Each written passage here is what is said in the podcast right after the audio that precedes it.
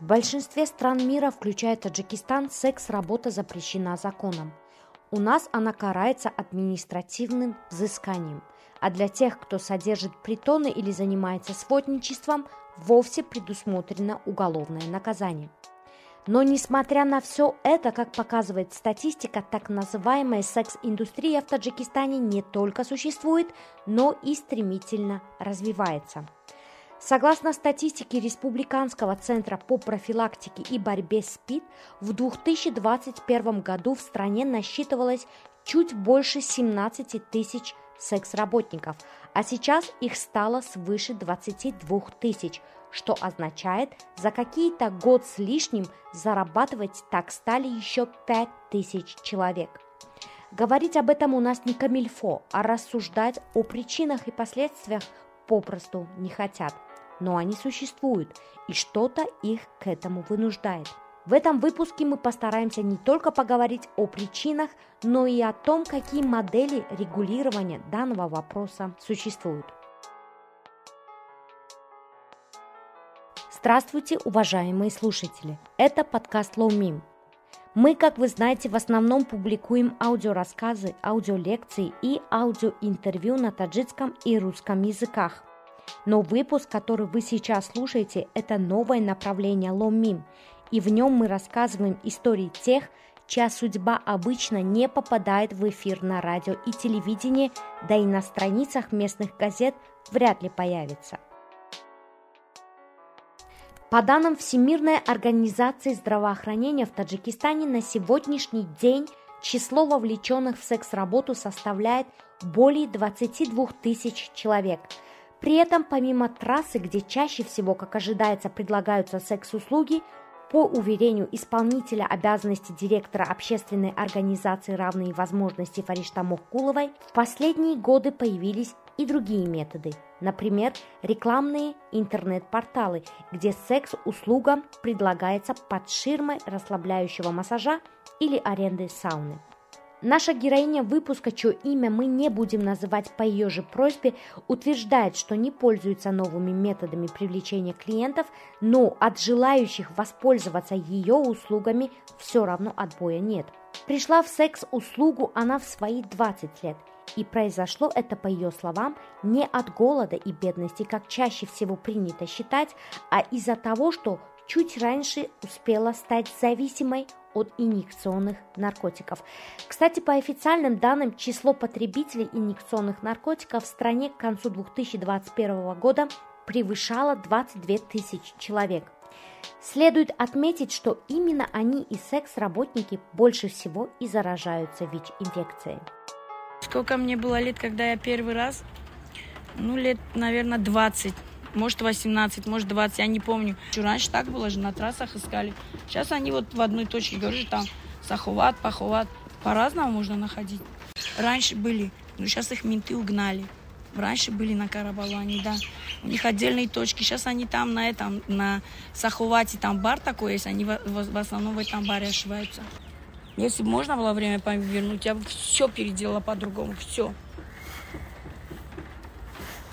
Фами, думаю, что там с нуля ты будешь начинать уже здоровье, а не то, во-первых, ни детей, ни, допустим, ни мужа. Зачем? Не хочу ничего. Ничего не хочу. И ВИЧ заработала, и гепатит заработала, и все вместе. И знаменитая стала, и в СИЗО посидела. Хотя у меня другая жизнь должна была быть. Мы уже зиндаги. Умеет маканду. Никаких планов нету. Ничего не хочу. Сама девушка, хоть и устала сильно от такой жизни, понятия не имеет, как бороться с недугом и как начать жизнь с нуля. К слову, в стране лечением от наркозависимости занимаются исключительно государственные наркологические центры, которых у нас по стране всего пять. Но, по словам экспертки в области защиты прав человека Ларисы Александровой, в стране вовсе нет центров по социальной адаптации, которые бы помогли секс-работникам вернуться к так называемой нормальной жизни.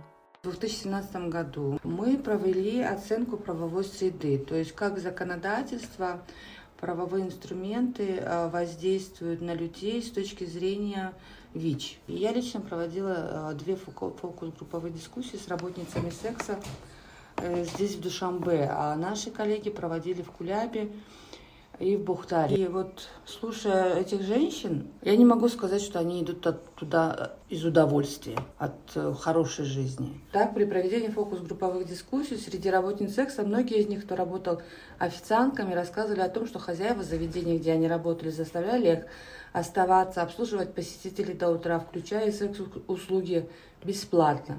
Одна из опрашиваемых сказала, что я вынуждена была согласиться, так как в тот момент я очень нуждалась в деньгах. У нее болел младший ребенок, а еще двое старших есть. Ну вот такие чисто, знаете, э, традиционные истории. А я как гендерный специалист могу сказать, что все эти истории связаны с нашим гендерным неравенством, неравенством женщин. Потому что женщине, э, девочки не дают образования, а рано выдают замуж – она ничего в плане социального э, контакта с миром не знает, не может делать, э, никуда не выходит, ни с кем не общается, профессиональных навыков нет. То есть она обслуга э, и тоже, скажем так, в плане секс-услуги для мужа, да, все, что она может, это вот это делать и рожать детей. А, когда а, настает критическая ситуация, это когда? Когда а, мужья бросают там в миграцию, уехали, не приехали. И вот исходя из этой ситуации, когда она остается ни с чем, то есть мужа нет, соответственно, она без хозяина. Лишний род никому не нужен в чужой семье. Ее выставляют за дверь, с детьми уже, тремя, четырьмя. Она возвращается в дом родителей, там тоже такая же ситуация, там братья, сестры, сестры там уже разданы, ну, братья, да, в основном, ее не принимают. А куда ей деваться? Они пытаются устроиться, да, э, уборщицами, там, посудомойками. Самая вот такая работа, которая не требует определенных знаний.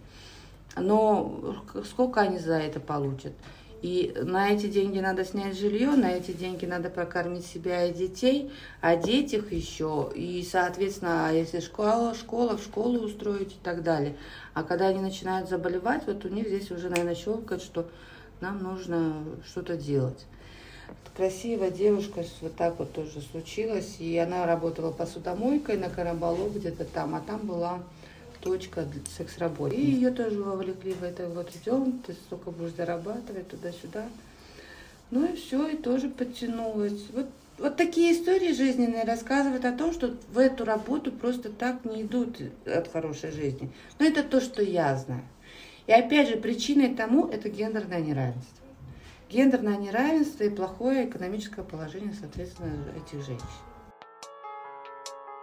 Между тем, существует еще и мнение о том, что секс-услуги искоренить при всем желании невозможно. Иначе другие страны давно бы прибегли к этому решению, в связи с чем некоторые эксперты легализацию данной индустрии считают вполне себе хорошим выходом. Так они уверены, можно будет хотя бы положительно повлиять на уровень заражения различными заболеваниями, в том числе ВИЧ а также уменьшить количество преступлений сексуального характера. В одном из наших предыдущих Клабхаус-бесед, который был посвящен трагической смерти восьмилетней Руфейды Инуятовой, эксперты проговорили подобную мысль, отмечая, что в стране, где сильно табуирована тема секса по религиозным соображениям, а также есть запрет на добрачную интимную жизнь, жертвами изнасилований, к сожалению, потом становятся невинные дети и женщины.